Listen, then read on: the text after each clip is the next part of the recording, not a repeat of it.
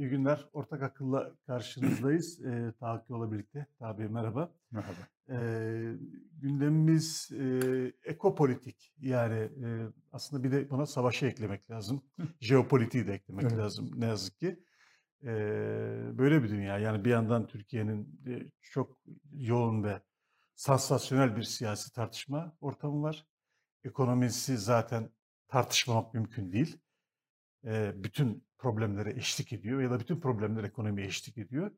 Ama hemen çok yakınımızda da bir savaş var. Bugün orada bir şehir daha Maripol Rusların eline geçti. Katliamların istatistik tutulamıyor. Hani Stalin'in meşhur lafı var ya. Üç kişinin ölümü trajedidir. Üç milyon kişinin ölümü istatistiktir. Tam Rus bakış. Tam o kafa. Tam, tam kafa, o kafayı orada kafa. yaşıyoruz. E, hayat böyle. E, biz e, kendi hayatımızdan başlayalım. Evet şimdi e, tabi program öncesi not gönderdiniz. Not çıkardınız. Türkiye'nin borç stoku 3 trilyon liraya bali oldu, vasıl oldu, ulaştı. Bugün Bloomberg sitesinde var. Türkiye'nin iç ve dış borç stoku 2022 yılının Mart ayında 3 trilyon 109 milyar 400 milyon liraya çıktı. Bu ben iç ve dış borçları. İç ve dış, evet. E, bu e, Türkiye'nin e, 2018 Haziran'ında borcu 969 milyar. 4 yılda 969 milyardan 3 trilyon liraya e, çıkış. E, ben de bu 2018 Haziran'daki... Çok müthiş bir şey ya. Evet. Yani 2018 Haziran'daki... Yüzde 200'den fazla artış. Fazla. Çok korkunç. Bir de bu rakamda şey yok daha bey. E, tam olarak bu rakama katılması doğru değil ama garantili borç olduğu için katıyor bazı iktisatçılar. Hazine garantili ödemeler Onlar yok. yok. Onlar yani, yok. Tabii, tabii, tabii. O da bir borç. Yani o, o da, dükkanı tabii, kapattığımızı tabii. düşün o parayı ödeyeceğiz. Evet. Yani evet. o köprüler, yollar, havaalanları işlemez. Hiçbir şey olmasa bile biz Mustafa Bey. O da bunun kaç katı daha büyük bir borç. Ee, önce e, etik olarak şu belirteyim. 2018 Haziran'da e, Türkiye'nin borç stoku 969 milyar dolar olduğu şeklindeki bilgi notunu değerli dostum Rubil Bey'den aldım. Hmm. Onun ismini burada zikredeyim. 2, 4 yıl içerisinde 969 milyardan 3 trilyona çıkış. Bunun içerisinde harcanan 128 milyar dolar yok. yok. Onu cepten harcadın. Tabii, tabii. cüzdanda para kalmadı. Borç olmadığı için burada yok. Bunun içerisinde Merkez Bankası'nın ihtiyat akçesi 40 milyar dolar bunun içerisinde yok. Yani öyle bir yönetim ki bir taraftan borçlanarak, e, tüketimi artırarak seçimleri kazanmaya çalışmış. E, bu da yetmemiş. Beri taraftan Merkez Bankası'nın e, 128 e, milyar e, dolarını ve ihtiyat akçelerini iki yıl üst üste Merkez Bankası'nın ihtiyat akçeleri yaklaşık 80 milyar lira civarında olması lazım. Onları da harcamışsın ama ülkenin geldiği durum bu. Niye böyle? Çünkü e, uzun vadede Türkiye'nin üretimini artıracak, ihracatını ve döviz gelirlerini artıracak yatırımlar yerine başta e, rant e, olmak üzere çok pahalı altyapı e, yatırımları olmak üzere e, maliyet kar hesabı yapılmayan yatırımlarla seçim kazanma ekonomisinin sonucu. Evet yani bu e, bu dönem yakın dönem istatistiklerinin e, tamamıyla benzerlik arz ediyor. Tamam. Yani borç stoku arttı, eş zamanlı olarak e, kur arttı, eş zamanlı olarak işsizlik arttı. E, 2014'ten beri işsizlik çifthanede ve düşmüyor. Tabii, tabii. E, işsizlik rakamlarını farklı usullerle e, hesaplayarak işsizliği, TÜİK biliyor, TÜİK işsizliği düşük seviyede tutmaya çalışıyorlar. Eş zamanlı olarak e, Türkiye'nin e, enflasyon problemi e, hiperenflasyon limitlerine ulaştı. E, bunlar makroekonomik göstergeler. E, buna yine paralel işte e, yolsuzluk göstergeleri Türkiye'nin uluslararası anda gri listeye girmesi kara parada tabii, e, tabii. ve e, daha yaygın bir şekilde yabancı sermaye kaybı yani negatif gösterge. O tabii, günden bugüne yabancı sermaye yok yabancı sermaye eksi de. Yani herhangi bir rakam tek başına büyük şaşkınlık yaratmıyor. Çünkü zaten diğer başka rakamların aynı habitatta, aynı ortamda e, başka rakamların teyit edicisi, başka rakamların paralelinde rakamlar bunlar ne yazık ki. Yani bu kadar kötü ekonominin borcu tabii ki artacak. Yani bu da doğal bir sonuç olarak ne yazık ki e, kabullendiğimiz bir Türkiye gerçeği halinde. Mustafa Bey ben bu son e, kitabım dolayısıyla e, Türkiye'nin 1994 e, ve 2001 e, krizlerini inceledim. Çok benzer süreçler. Hı hı. Seçim kazanmak için gaza basılıyor, bütçe açıkları patlatılıyor, kamu borçları patlatılıyor, fiyat artışları seçim sonrasında erteleniyor. Seçimlerden sonra döviz fırlıyor, e, krize giriliyor ve e, şeklinde çakılıyor. Ondan sonra yukarı çıkıyor. Evet. Ama şimdi çakıldığımız yerde yürüyor. Şimdi U gibi oldu. U gibi oldu. Evet. Şimdi Hatta Çak- U gibi bile değil yani uzun süredir Uzun, aşağı evet. yukarı. E, çakıldık ve 2018 kaldık oldu Evet. şimdi. Evvelden hani o zaman hatırlarsanız dediniz ki hatırlattınız bunu. Hep şu deniyordu. Dibe vurduk çıkarız. Hani o eski V alışkanlığı. nere şimdi? Yani e, dibe vurduk yatay gidiyoruz şimdi. Bunun sebebi e, önceki e, krizlerde vurup yukarı çıkmanın, V şeklinde vurup düşüp yukarı çıkmanın sebebi rasyonel ekonomik tedbirler alınıyor. Faizi, politikası, yabancı sermaye girişi. Bugün hükümet yüzde sekiz, sekiz buçuk faizle düğün umumiye borcundaki faizdir bu. Faizle piyasadan borçlanıyor dolar e, almak için.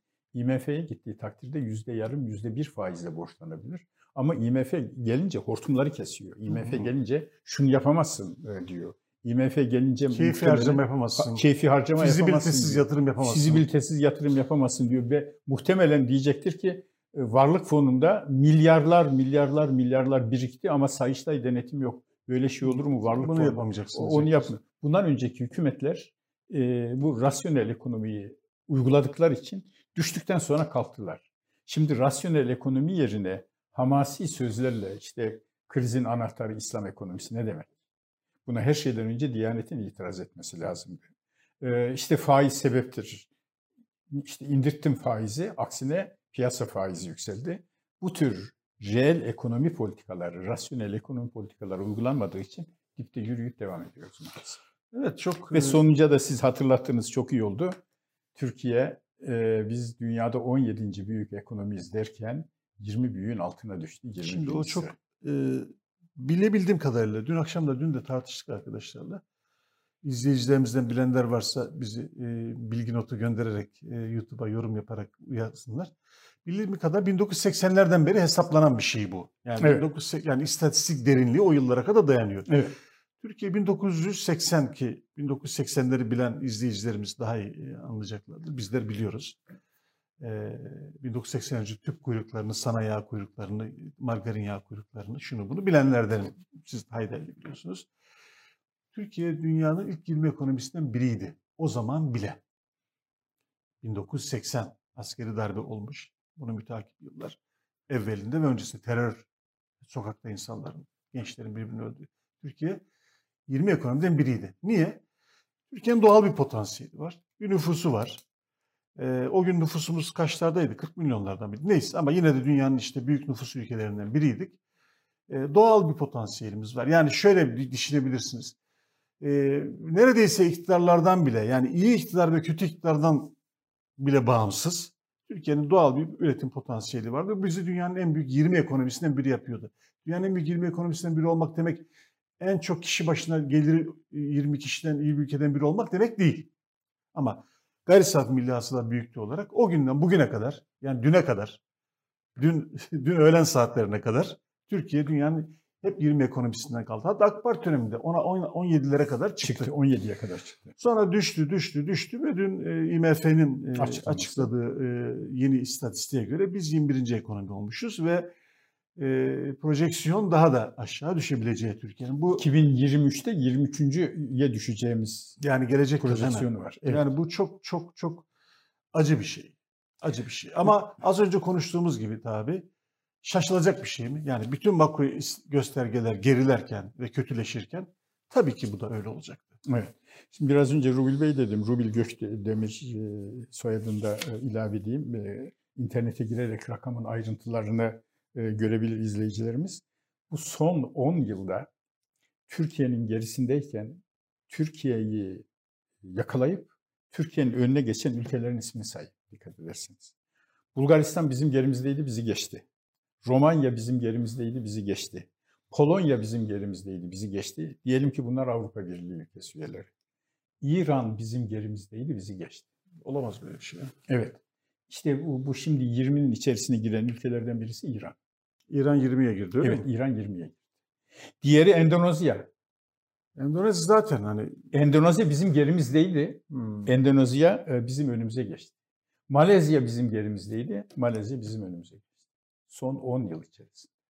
neyse ki İran 20'ye girdiği için biz hala G20 toplantılarında fotoğraf vermeye devam edebileceğiz.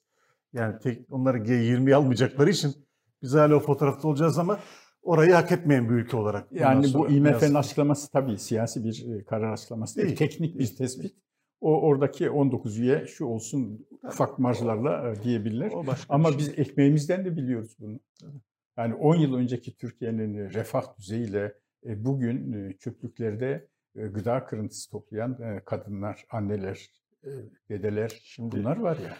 e, bizim gazete bugün muhalif, fazla muhalif E, ama geldi olma. İlk 20'den düştük manşeti var. Şimdi çöplük dediniz. Başka söze gerek yok demiş Evet. arkadaşlar. Türkiye'de her dört aileden biri devlet yardımı alıyor. Şimdi şöyle düşün, düşünelim tabii. Bırak ilk 20, ilk 5'i ne olursa ol. Gerçek bu. Yani yönettiğimiz ya da bu iktidar yönettiği ülkenin gerçeği bu. Dört aileden biri yardım alıyor. 11 milyon kişi ayda 552 lira için adını yazdırıyor, takip ediyor. O paraya muhtaç. Sonuçta yani ekonomimizin kalitesi, e, ülkemizin büyüklüğü, uçuyoruz, gidiyoruz, yıkıyoruz. Her tarafı, her şey bizden sorulur e, şeyi, rüzgarlar Dünyaya arasında. Gerçeğimiz bu. Şimdi bu bu bizim gerçeğimiz de değildi yalnız. Türkiye yine AK Parti döneminde bu rakamların çoğunu kırmış. Yoksulluğu 12 bin dolara çıkmıştı. 12.500'leri bir ara bulmuştu. Ee, ve yoksulluk yoksul sınıfını bir hayli daraltmıştı. Orta sınıf şekillenmeye başlamıştı. Orta sınıf kalmadı. Asgari ücret bugün kimi değerlendirmelere göre tam da istatistiklere de artık güven kalmadı ama 175-80 uygulanan ücret olmuş. Yani ortalama ücreti geçmiş asgari ücret. Şimdi böyle bir ülke yani ben büyüğüm, ben şöyleyim, attım vururum, vurdum indiririm diye. Artık o laf da kalmadı. Yani Hiç kendi ey hitabını yani, duyuyor musunuz? Yani kendi Mescid-i kendine. Aksa e, ne oldu ya? Yani Çetin Altan'ın başka dediği, ticaret başka diyor. Evet, onu konuşalım. Çetin Altan dedi ki Türkiye Türk propagandası bile olmaz artık. Artık evet. Yani çünkü o propaganda yaptığın adam 552 lira parayı almak için kaymakamlığı şurayı burayı kolluyor. O propagandayı yaptığın aile yardıma muhtaç bir aile. İşte o aile biz öyle müthiş bir ülkeyiz ki falan dediğin zaman nasıl ya diyecek yani. Nasıl müthiş bir ülke. Bir de şu var Mustafa Bey. e, Güçlü olduğunuz zaman e, siz ey diyerek e, ona buna meydan okuyorsanız, miting meydanlarında yedi düvelle mücadele ediyoruz diye konuşuyorsunuz. Ama iktisadi durumunuz bozulunca Biden, e, Amerikan e, başkanı soykırım diye resmen konuştuğu zaman sesinizi çıkarmıyorsunuz. Gündeme gelmedi. Hamdolsun. Hamdolsun. Evet. Ee, bu dünyada nasıl bir izlenim bırakıyor biliyor musunuz? Belirli prensipleri, belirli ekseni olmayan, kendisini güçlü hissettiği zaman şöyle, zayıf hissettiği zaman böyle hisseden bir ülke. Bu açıdan hatırlattınız şimdi Sayın Cumhurbaşkanı'nın Kudüs başka, İsrail ilişkileri başka lafı da işte o. toplamda şuraya geliyor. Yani biz ilişkiyi sürdüreceğiz. Yani zaten Kudüs İsrail ilişkilerin kritik noktası Filistin'de yaptıkları zulüm, Mescid-i Aksa'da yaptıkları provokasyonlar vesaireydi.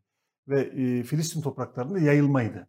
E şimdi bunlar başka başka dersen zaten bir engel kalmıyor. O zaman herhangi bir ülkeyle ilişki kurma konusunda bir ahlaki standart ya da bir prensip olay o. prensip olmamış. Öngörülebilirliğini kaybetti. Şimdi İsrail'i bu, başka, zayıfsan bunu başka. okuduğunda ne anlayacak? Yani ben Kudüs'te şurada zaten yapacağını yapıyor da ayrı mesele.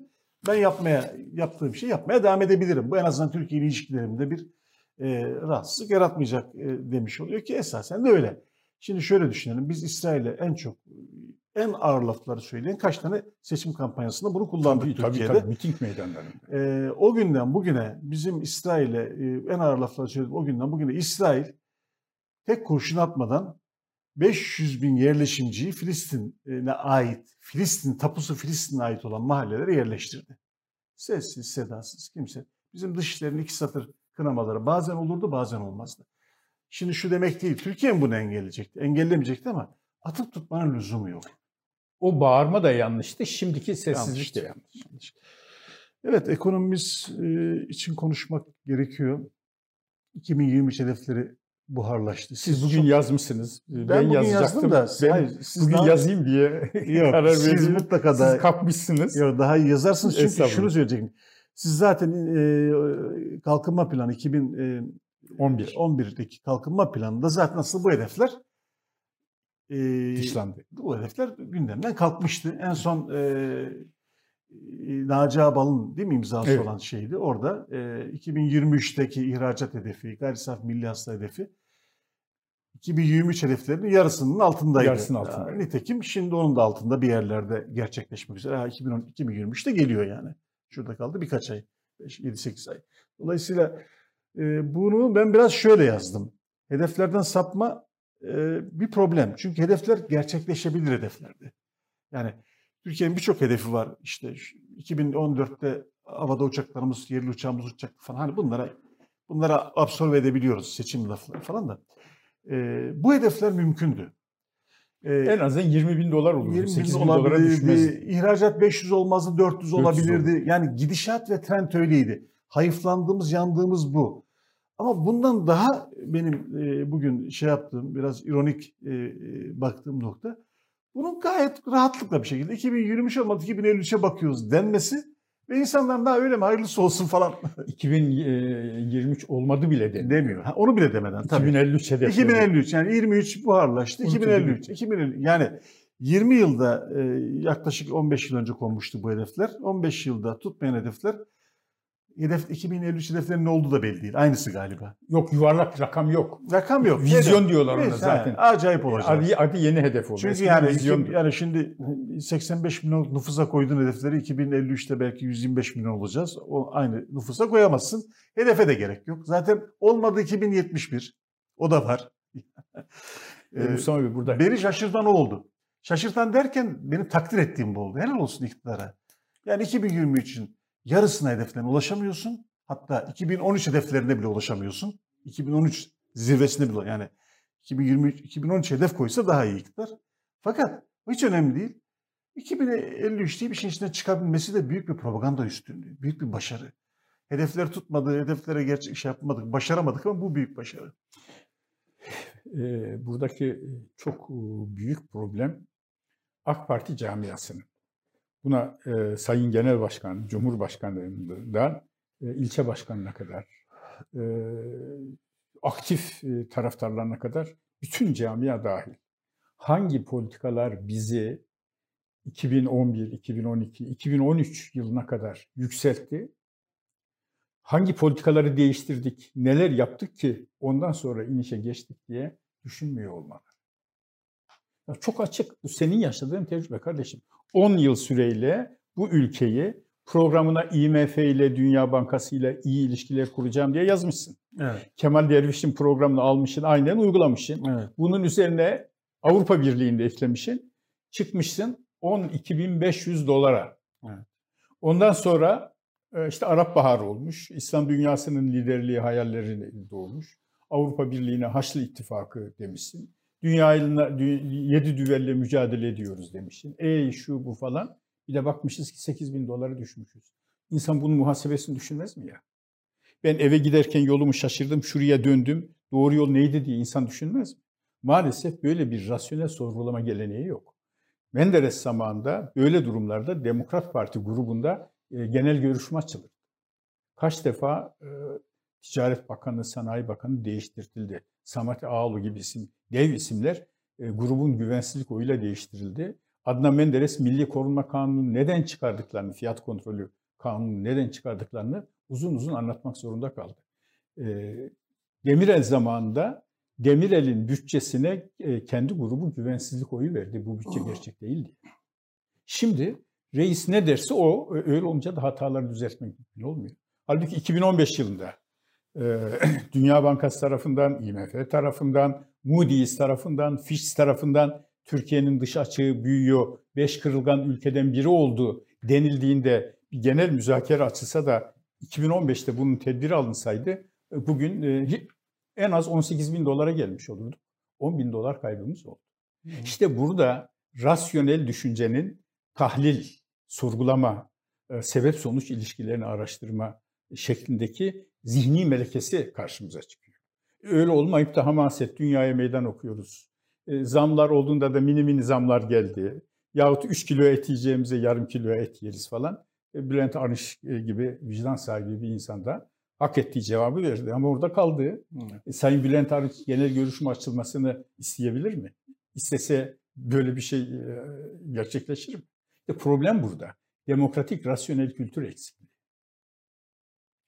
Bu çok önemli çünkü e, bir e, şeyin e, iktidarın yapıp ettiklerinin e, anayasal denetim e, kurumları yoluyla denetlenmesinin yolu tamamen kapalı durumda. Tamam. E, parti içerisinde de AK Parti içerisinde de bir e, denetim ya bir dakika biz ne yapıyoruz yok.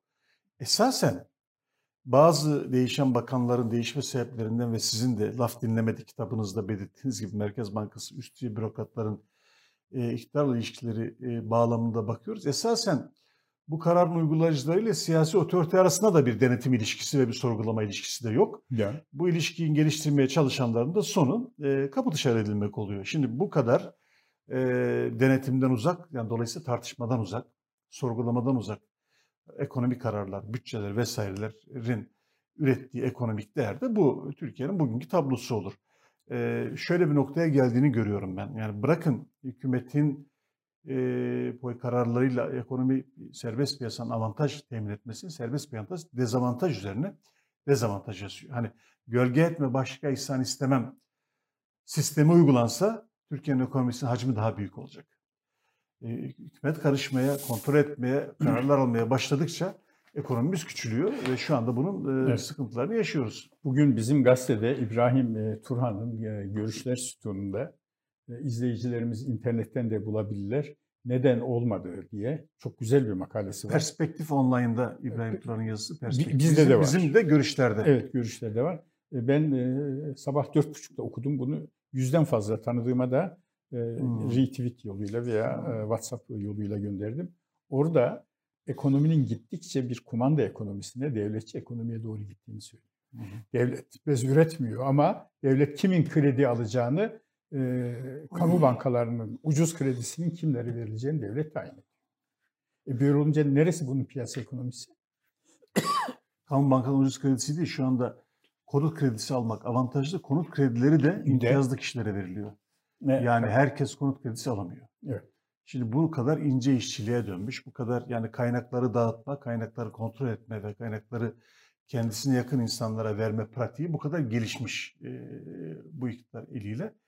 E, KGF'ler e, yani bir takım şirketleri yüzdürmek maksadıyla, sıkıntıdaki şirketleri yüzdürmek maksadıyla üretilen KGF modeli de yine iktidara yakın şirketlerin ancak e, erişebildiği bir kredi haline geldi. Bırakın onu işte tüketici kredisi sayılabilecek e, konut kredileri hakeza yine öyle. İşte ondan sonra da e, denilecek ki kazanımlarımızı kaybetmeyelim. E tabii öyle o Özgürlükse elbette hiçbir kazanım bir milim gerilememeli, bir toz miktarı gerilememeli ama kazanım imtiyazsa olmamalıydı zaten. Bırakın kaybetmeyi, zaten olmamalıydı. Serbest piyasa e, koşullar içerisinde, serbest rekabet koşullar içerisinde olmalıydı. Bu uygulama verimlilik kavramını ortadan kaldırdı. 2014 yılında Daran Acemoğlu'nun Koç Üniversitesi'nin bir töreninde yaptığı konuşma var. 2014 yılında. Diyor ki ekonomi 5 yıldır verimlilik artışı olmadan tüketimle büyüyor. İşte o anlattığınız mekanizmalarla oluyor. Şimdi e, bu şey e, yani ekonomideki bu tablo e, aynı zamanda işte Türkiye'nin bugün anlamakta zorlandığımız, aslında anlayanlar anlıyor.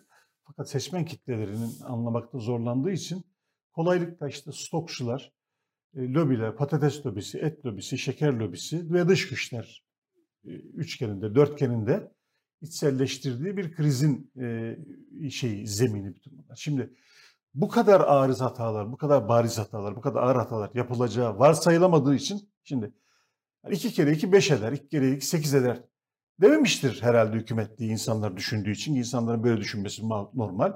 O zaman patates lobisi var, soğan lobisi var, et lobisi var, market lobisi var. Bir de dış güçler var. Başka izahı yok yani çünkü e, böyle başarılı bir hükümet, böyle güçlü bir lider bu hatalar yapmayacağına göre ya adamı engelliyorlar, hükümeti engelliyorlar, dış güçler vesaire. O bazı senaryo, o bütün iktidarın müdafaa için kullanılan ve insanların herkesinden yani eğitimden eğitimsize kadar herkesin e, e, bir parçası olduğu senaryo işlemeye başlıyor.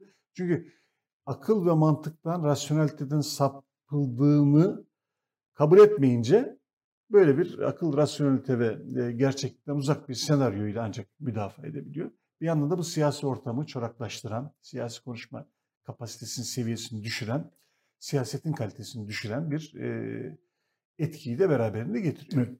E, bu söyledikleriniz e, iktidarın temel zihniyet problemi. O bakımdan da değiştirilmesi fevkalade zor. 1, 2, 3, 4, 5 diye sayıyorsunuz. Hayır 6 diyorsa artık düzeltilebilecek e, bir şey yok. E, Sayın e, Nebati'nin, e, Hazine ve Maliye Bakanı Nebati'nin bize öğretilenleri bir kenara bırakacağız sözü çok şey ifade. Bu İslamcı kesimde öteden beri var. Yani modern bilimin iktisatla, sosyolojiyle, siyasetle ilgili bir takım verilerini öğretilmiş veriler, ezberletilmiş Ezber, veriler, belletilmiş yanlışlar gibi tan tanımlamak. E, getirdiğiniz sistem 4 ayda 40 milyar lira yük getirdi hazineye. E, kur garantili mevduat. Kur korumalı mevduat. Bu artık bir bağımlılık. Yani. yani ondan kurtulması imkan yani hükümet yani hükümetin bir ekonomi politikası olmadığı için bu bir, bu enstrümana sığınmış durumda. Bu enstrüman da terk edilmesi imkansız. Hatırlarsanız burada başta Tabii. konuştuğumuzda bunu terk edemezler demiştik ve birçok ekonomist de demişti. Nitekim öyle oldu. Bir defalıklar bir yıllığa uzatıldı. Vadeler, enstrümanların şekli şemali değişti. Şirketler katıldı, yurt dışındakiler katıldı. Yani bir şekilde o motorun durmamak. Bir ara nasıl inşaat çarkı durmasın diye olur olmaz hep inşaat yapılıyordu. Şimdi biraz para azaldığı için inşaat azaldı. E, bu da öyle şimdi. Bu çarkın durmaması gerekiyor. Türkiye'de ekonominin tek göstergesi dolar. Dolar durdurmanın tek yolu da dolara faiz üzerine faiz vermek. Şu anda e, geldiğimiz e, nokta e, çıkmaz sokağımız bu ve durması mümkün değil. Bu seçimlere kadar durmayacaktır. Seçimler 2023 Haziran'da mı olacak?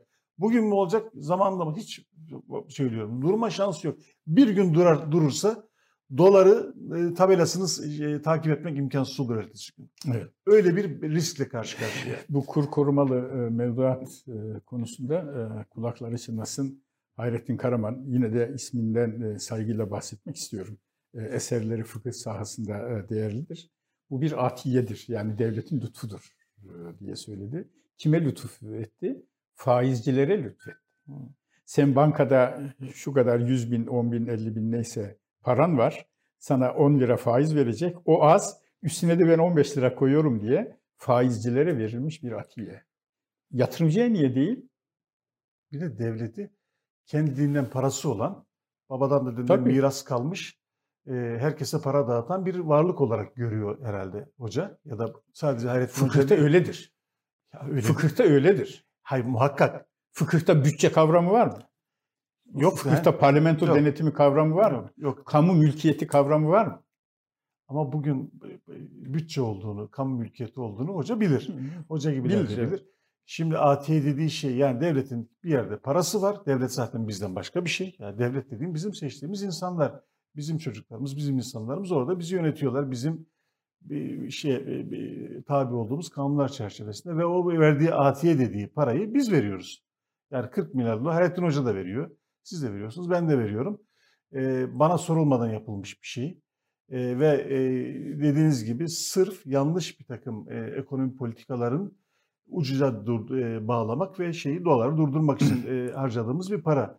Ya bunu, bunu düşünmüş dedik ya bu genelde bütün e, komple her tarafta bir seviye düşüklüğü var. Evet. Kaçınılmaz olarak oralarda yansıyacak. Ee, Mustafa Bey İhsan Süreyya Sırma'yı tanırsınız. Tarihçi, İslamcı, da... kor İslamcı. Onun Müslümanların Tarihi diye beş ciltlik bir kitabı çıktı.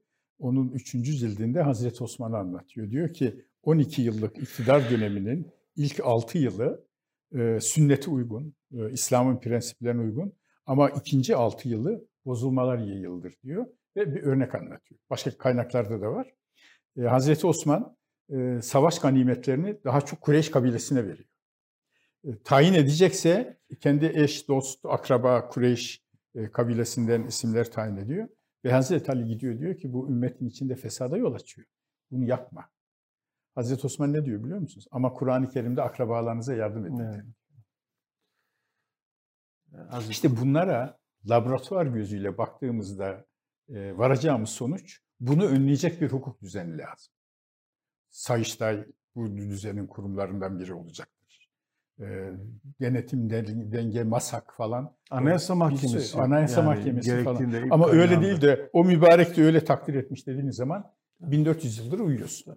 Ya bunlar şimdi e, e, bir anıyla da işte e, işler sarpa sardığında, işler yönetilemediğinde e, Kur'an kaynakları, Nas'ı ondan sonra e, ya. bir takım e, İslam fıkhında örnekleri vererek buna sığınmak aslında suçu da İslam'a atmanın e, bir başka şekli. Yani İslam'ı kalkan yapıyorsun. Mızrağın kalkan ucuna yapıyorsun ve dinimiz sayfa... dinimiz böyle diyor. Ben dinimizin dediğini yaptım. Olmadı mı? E benden kusur Nasıl var. varken sana bana yani ne düşüyor? Benden kusur var. Din o zaman suçlu. Yani din faizi düşüremiyor. Din enflasyonu düşüremiyor.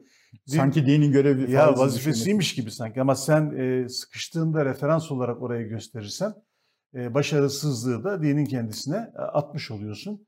Bu da nasıl bir anlayış, nasıl bir e, yaklaşım akıl alır gibi değil. Şundan Ama bunun ben... tesiri var kamuoyunda. İnsanların, tesir oluyor. Evet. İnsanların hayır, tabanın e, tutulması, tabanın iktidara bağlanması açısından tesiri var. Öbür tarafta da dinden soğumaya yol açan gençler arasında başka bir olumsuz tesir Din buysa var. diye Ahmet Taş getiren kaç defa tabii. yazdı.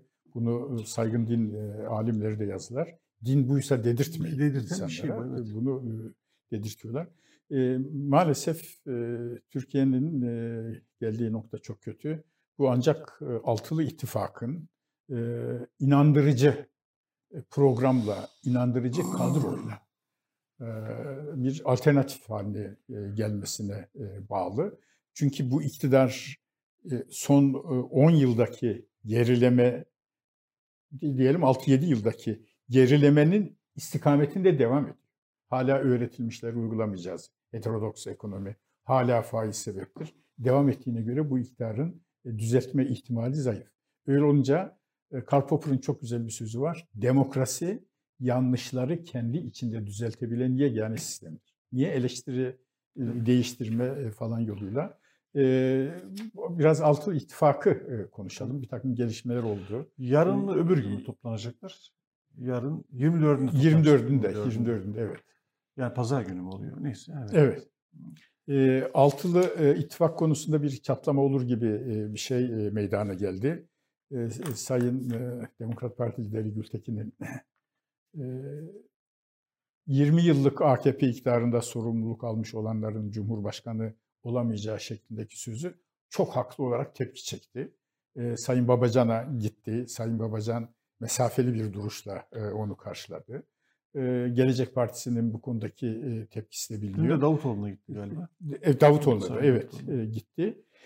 O telafi edilmiş olabilir. Şimdi komiteler kuruyorlar. O komitelerden birisi seçim güvenliği. Çünkü kıdemli hakim şartı kaldırıldı.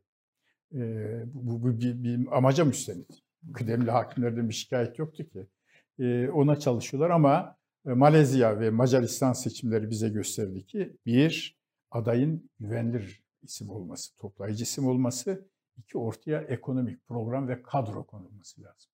Malezya'da 35 yıllık popülist, otoriter tek parti iktidarını Malezya Müslümanları devirdiler. Mahathir Muhammed ki o iktidarın, Turgut Özal'ı. O iktidarın bir parçasıydı. Parça, 35 yıllık Özal parçasıydı. Değişimin de sebebi o yani. O sistemin hmm. bir parçasıydı. 92 yaşındaydı ama mazisinde yaptığı pozitif icraat vardı. Bir de Merkez Bankası'nın başına falancayı getireceğim, ekonominin başına fişmancayı getireceğim, dışları şöyle falan diye de bir kadro açıkladılar. 100 yıllık program açıkladılar. O şekilde kazandılar. Macaristan'daysa bunu Doğu Batı çatışması olarak işte Rusya mı, e, Avrupa mı, Avrupa medeniyeti falan soyut kavramlarla bunu yürüttüler ve kaybettiler. E, ben e, altılı ittifakın seçim kazanmasının garanti olmadığını, seçimde sürpriz de olabileceğini, altılı ittifakın ancak inandırıcı aday, inandırıcı kadro, inandırıcı programla seçimleri kazanabileceğini düşünüyorum. Siz ne dersiniz? Elbette. Şimdi bu zaten hani maç oynanmadan kazanılmaz. Şu anda şöyle bir genel bir analiz var. Daha doğrusu benim analizim var. Yerel seçimlerde iktidar yerel seçimin rengini veren iki büyük ili Ankara, İstanbul'u kaybetti. 25 yıl sonra kaybetti bunları. Bu büyük bir gösterge. Yerel seçim öncesinde ekonomi bugünkünden daha iyiydi. Yani krizdeydik daha ama iyi. daha iyiydi. Çünkü 128 milyar doların yarattığı bir bolluk var. Evet, daha iyiydi ve e, Cumhur İttifakı'nın söylemi yine sert, ayrıştırıcı ve e, dikte ettiriciden bugünkünden de nispeten daha iyiydi. Şimdi o günden bugüne evet.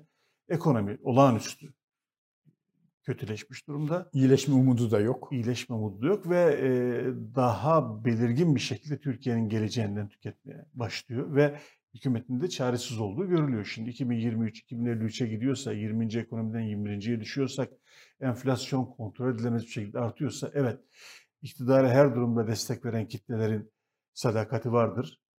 Ama bunu sorgulayan e, aradaki kitlerin de miktarı artıyor. Nitekim anketleri de artıyor. İktidarın söyleminde de sertlik ve gerçekten kopuk, gerçekten kopukluk yerel seçim öncesine daha fazla. Şimdi dolayısıyla makas daha da açılmıştır. Yani anketlere şuraya buraya bakıyorum elbette ama kendi izlediğim bir metot bu. Yani daha iyi şartlarda kaybetmişse hükümet, şartlar kötüleştiğinde, bugüne oranla daha iyi şartlarda kaybetmişse, şartların daha kötüleştiği vasatta kaybedecektir seçimi diye bir trend. Bu galip ihtimalde ona katılırım. Trend evet. var. Ama garanti değil. Yani öyle garanti bir adayı değil. çıkarırsınız ki ya da öyle bir zemin doğar ki yine de Tayyip Erdoğan iyidir der insanlar ki diyorlar yani bu şartlarda AK Parti'nin ve Cumhur İttifakı'nın sahip olduğu oy birçok e, araştırmacının izah edebildiği bir durum değil. Ama onun izahı var. Yani aidiyet var, gelenek var, dini duygular var, diriliş var, Abdülhamit var, paydaht var. Hepsi bir pakette. Yani iktidar gidecek ama Abdülhamit ne olacak? Yani e, AK Parti kaybedecek ama Ertuğrul ne olacak? Diyen insanlar var yani. Dolayısıyla bunu anlıyorum ben. Küçümsemiyorum da bunu. Şimdi buna da e, buradan da hareketle tabii ki tamamen sizin dediğiniz gibi seçim garanti değil. E, ikincisi e, seçimin garanti e, olup olmadığına dair muhalefetin eksikliğini şuradan da görüyoruz. Şartlar bu kadar kötüyken hala seçim takvimi anayasal olarak tabii ki Erdoğan'ın elinde ama bu seçim takvimine politik müdahale gücü muhalefetin gelişmiyor bir türlü. Yani seçim, seçime zorlayamıyorlar iktidarı. Hı. Seçim erken seçim arzuları güçlü değil. Ee, bir, bir seçim atmosferini yaratamıyorlar. Erken seçim atmosferini yaratamıyorlar. Ee, ve şuna baştan fit olmuş durumdalar. Yani ne zaman e, Erdoğan seçim takvimini açıklarsa adayımız o zaman belirleriz. Biz o programa tabiiz. Tabii ki öyle. Yani anayasal olarak anayasal öyle. olarak öyle ama politik olarak bir duygu yaratabilirsiniz siz. Yani e, o açıdan Erdoğan'ın elini çok serbest bırakıyorlar. İktidarın işine, iktidara çok avantajlı alan bırakıyorlar. Tekrar tekrar deniyor Erdoğan. Tekrar tekrar politika deniyor vesaire. Bu da bir problem. Yani muhalefetin zorlayıcılık kapasitesinin e, hak ettiğinin altında olması da bir problem. Dolayısıyla evet kaybedebilirler seçimi. Muhalefet seçimi kaybedebilir. Ama yakın şu anda. Muhalefet seçimi kazanmaya daha yakın. Evet. Yani her şeye rağmen favori. Yani favori şu anda muhalefet ve muhalefetin elinde yine çeşitli anketlere göre söylüyorum. E, iki ya da üç aday var ki seçimi alıyorlar. Evet. Yani bu da bir avantaj muhalefet açısından. Hangileri diye şimdi izleyicilerimiz sormasın. Herkes de bunu bizim belediye başkanları. Bu programın izleyicileri zaten bu işleri takip eden insanlar bilirler. Yani böyle bir garantisi de var muhalefetin. Hani iş inada bindi mi? Aha da benim adayım bu diyebilecek bir gücü var. Benim seçimi aldıracak adayım var kardeşim diyebilecek durumdalar. E, zaten bir tanesini Sayın Erdoğan illa aday yapmak istiyor e, İstanbul Belediye Reisi'ne. Her gün bir yetkisini alarak. Şimdi 4 sene hapis istemiyor. Her gün hapise atmaya çalışarak. Zaten seçimini de baştan iptal ederek.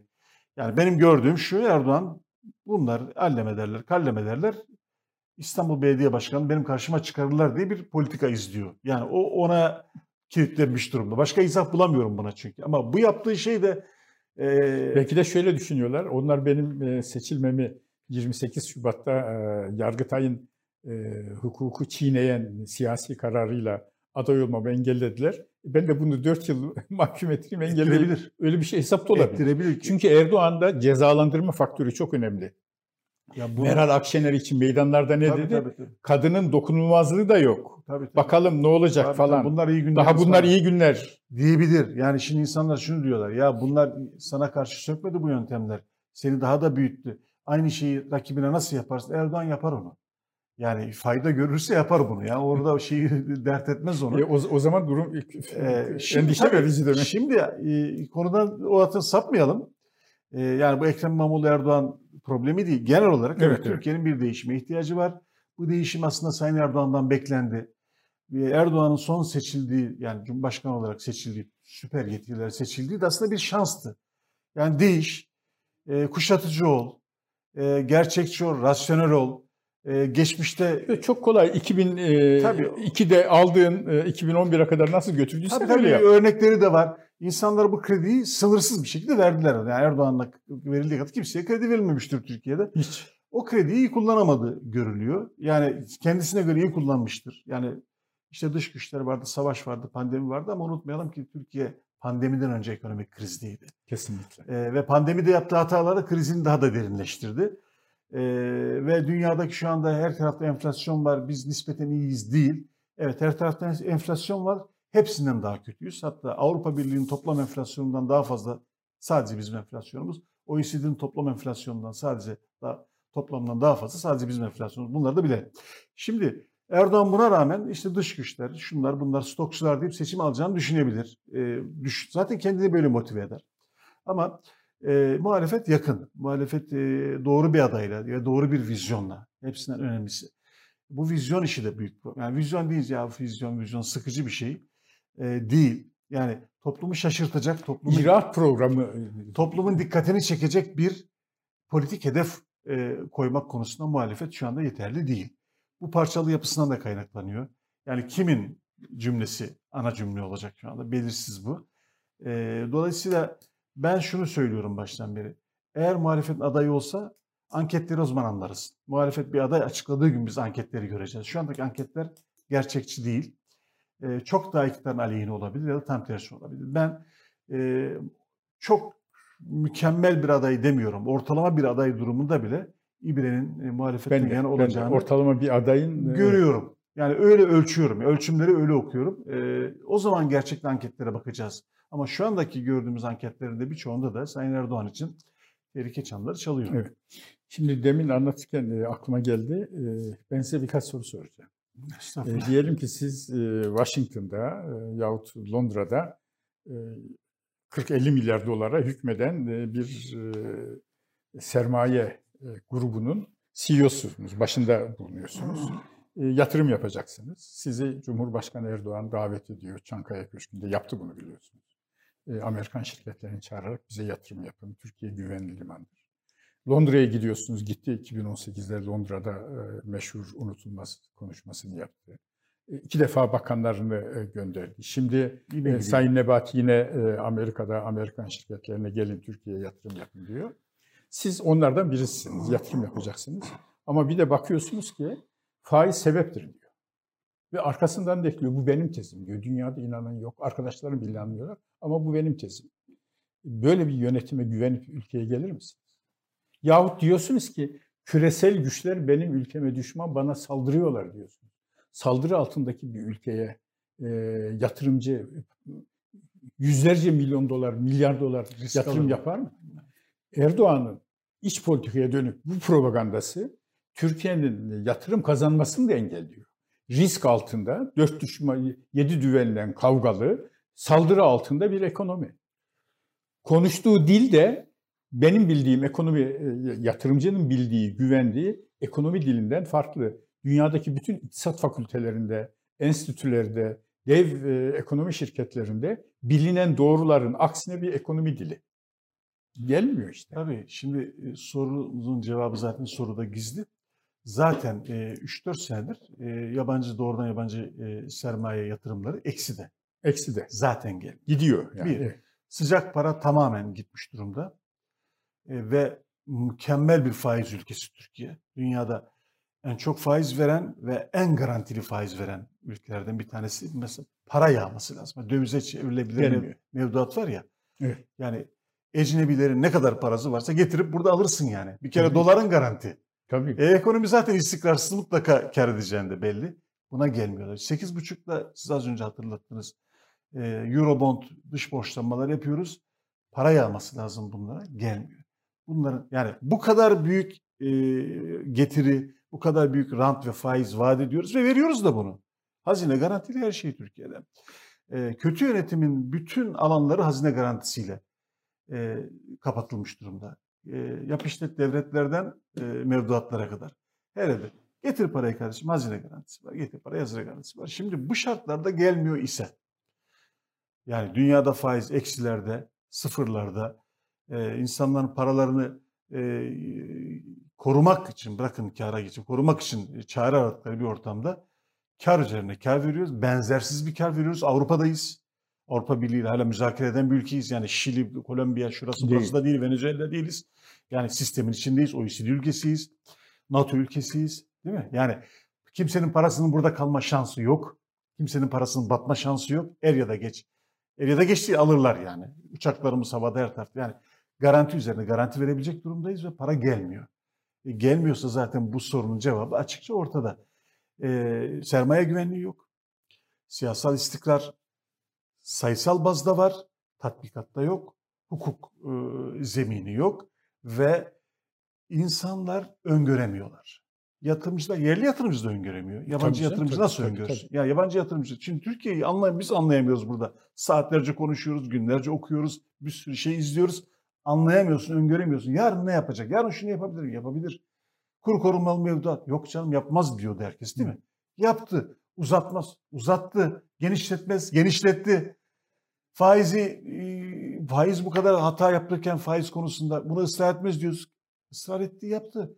Yani dolayısıyla yabancı için bunlar hakikaten büyük bir macera. Yani Survivor yarışmasına katılmak gibi bir şey. Yani böyle bir heyecan istemiyor insanlar. Dolayısıyla bu kadar garantili kâra paralarını getirmiyorlar. Evet. Getirmeyeceklerdir de. Yani bu sakinleşme, bu sadeleşme olmadığı müddetçe e, ne yabancı sermaye bekliyor ne sıcak para Gelmiyor. E, Mustafa Bey 2020 yılının e, sonbaharında Eylül ve bilhassa Ekim aylarında e, Sayın Naci Ağbal e, Merkez Bankası'nın başına getirildiğinde Cumhurbaşkanı Erdoğan yaptığı konuşmada diyordu ki e, faizler arttı. Bu bir acı ilaçtır. Reform dönemine giriyoruz.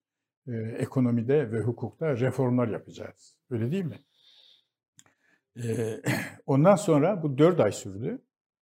Naci Abal gönderildi. Yerine Kavcıoğlu getirildi.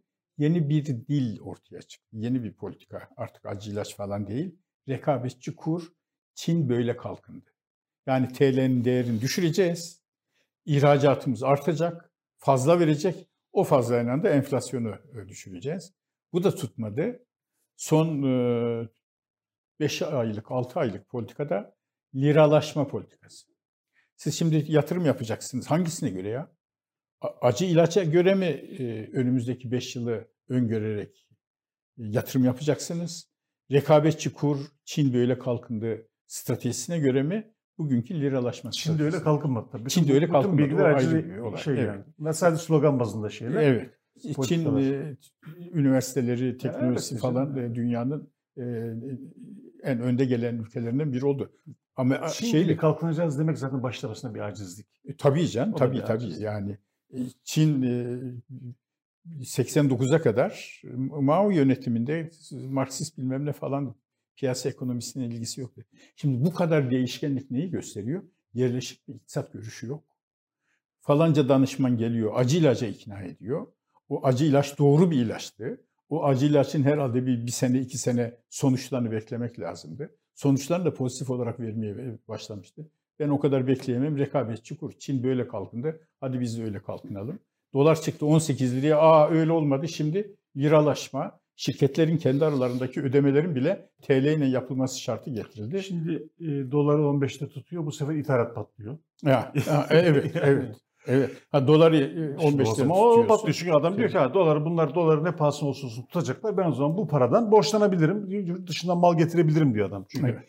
yani bunu tutmak çünkü iktidar için hayati bir konu. Yani hayat memat meselesi. Doları 15'in altında tutmak. E, piyasadaki adam bunu görüyor. Bunun için diyor 40 milyar veriyorlar. Bir 40 daha verirler. Herkese de çağrı yapıyorlar. Demek ki dolar buralarda kalacak. Ben o zaman ithalata başlayayım diyor. Yani bu fiyatlarla Evet, alırım tabii. ve satarım diyor. Tabii. Bu da bir başka açmaz ne yazık ki. Bu reform döneminin e, Hazine ve Maliye Bakanlarından Lütfi Elvan'ın e, Mart e, 2021'de e, bir basın toplantısı var. Orada reform programını hazırladıklarını söylüyor. Dikkat çekici bir şey var. E, ihale kanununu evrensel standartlara uyduracağız. Bir yıl geçti. Nerede? Evet. Çok önemli bu. İhale kanunu Ali Babacan'ın dediğine göre bütün yolsuzlukların kaynağı. İhale kanununun Öyle olmasa 190 defa değişir miyiz? Olur mu yani? 190 defa değiştirilmiş. Lütfi Elvan haklı olarak, doğru olarak dedi ki ihale kanunu e, yenileyeceğiz, elden geçireceğiz ev, evrensel standartlara göre. Ne oldu? Sayın e, Lütfü Erdoğan Elvan'ın kendisi ne oldu? canım? Bırak Lütfü Elvan'ın kendisi ne Ha, oldu? kendisi gitti yani, tabii. Kanunum soruyor. Peki yerine gelen de böyle bir reform kavramı duyuyor muyuz? Bize öğretilenleri yapmayacağız. Yeni gelen. Şimdi Sayın Nebati burada demin konuşurken onu atlamayalım. Ne dedi? Fransa'da mı söyledi bunu? Yani siz yeter ki gelin biz bürokrasi, bürokrasi, Cumhurbaşkanı, Cumhurbaşkanı arkamızda. arkamızı biz hallederiz o. Şimdi bu da Onu dinleyen gelmeyin daha gelmez. Ha, gelmeyin demek bu. Gelmeyin. Yani bu e, lisan halle, mefhumu muhalifiyle gelmeyin demek. Yani burası vahşi batı gibi bir şey yani. Ben kanunu değiştiririm, kuralı değiştiririm, bürokrasiyi de takmam. Sen o iş bende. Hani var ya amiyane tabirle. Onun gibi bir şey yani. Neyse ya bunları tekrar tekrar Bunlar söylüyoruz. çok acı şeyler. Evet. Bunlar Çok acı. Ee, Biraz da şu göçmen işini e, konuşalım. E, Hükümet ağız değiştirdi çok değiştirdiğinden emin değilim. Ee, Öyle mi? çünkü şundan değilim. Ee, seçim e, atmosferi var ve marjinal partiler çok baskı yapıyorlar. Biraz ona matuf bir değişiklik var hükümetin söylemi. Fakat Sayın Erdoğan'ın göçmenler, yani özellikle Suriyeli göçmenler konusunda tavrı defalarca bir uçtan bir uca gitti geldi. Bir uçtan bir uca değilse bile defalarca değişti. Bunları beslemek zorunda mıyım kardeşim de dedi. Muhacir Ensar'la başladı. Biz kardeşiz dedi. Uzun ki doğru bir şu açıdan doğru bir politika. Buraya onları kabul ettikten sonra kardeşlik göstermek zorundayız. Şimdi izleyicilerimizden bazıları da kızabilirler biliyorum. Bu konuda her türlü iyimser yaklaşmada bir tepki var.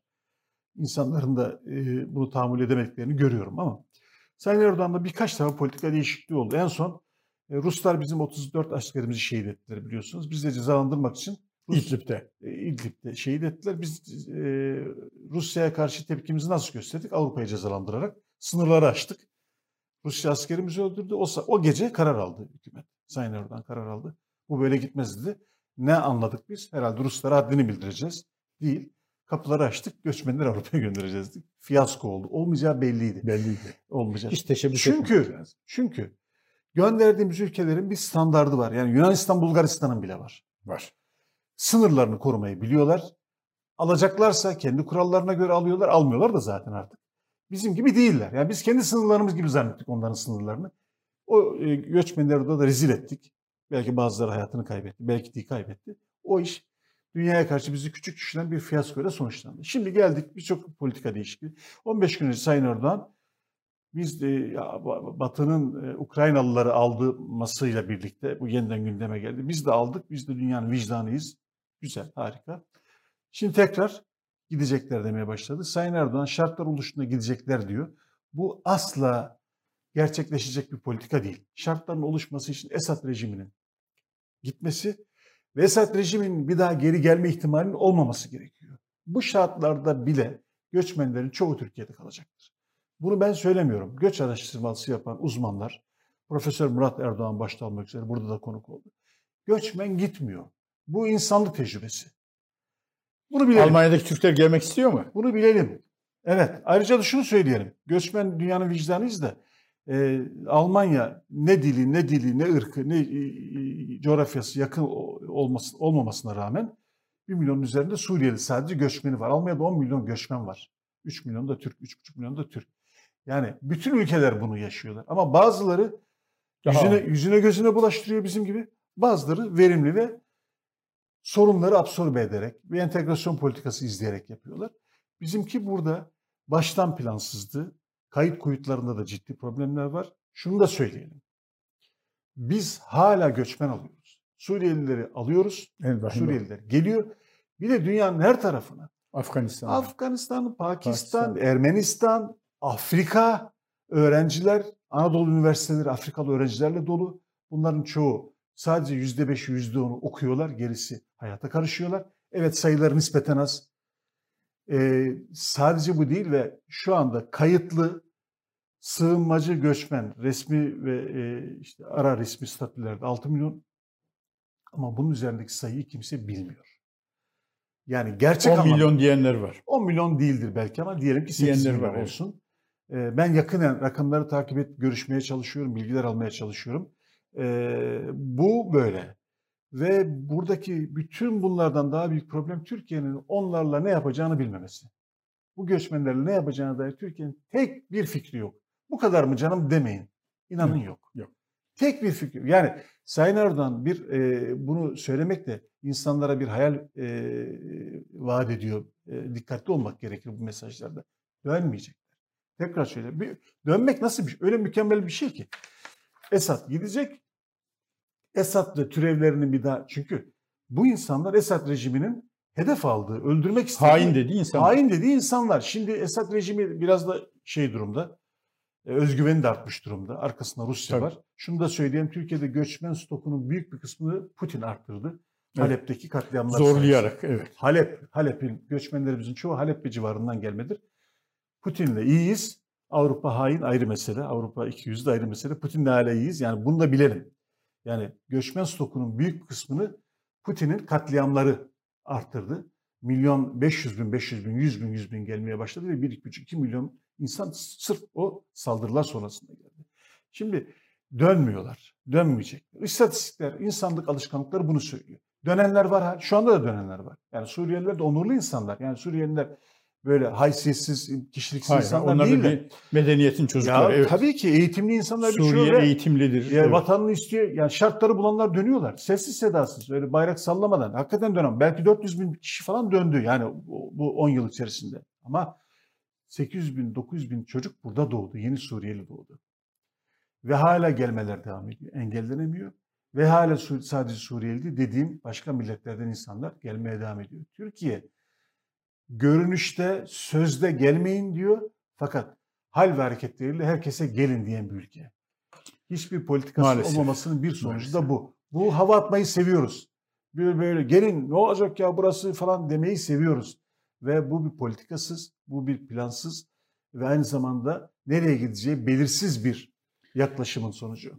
Göçmenlerin e, ikinci hele de üçüncü nesli Türkiye için çok büyük problem olacak. Bir kısmı entegre olacak hiç şüphesiz. E, üretken, vergi veren e, Türk vatandaşları olacaklar. Ama bir kısmı da hele de üçüncü nesilden itibaren e, Paris'in varoşları gibi Türkiye'nin de maalesef Biz patlamaya hazır Biz varoşlar olacak olacağız. diye İnşallah endişeliyim. olmaz fakat biz İnşallah yapmış olmaz. olacağız. Hani Paris'te diyelim farklı dindi, farklı şeydi. Burada din kardeşliğimiz var. Hala şu çok güzel. Özellikle Suriyeli göçmenler yani tüm göçmenlerde suç oranı ortalama Türkiye'nin suç oranının yarısının altında.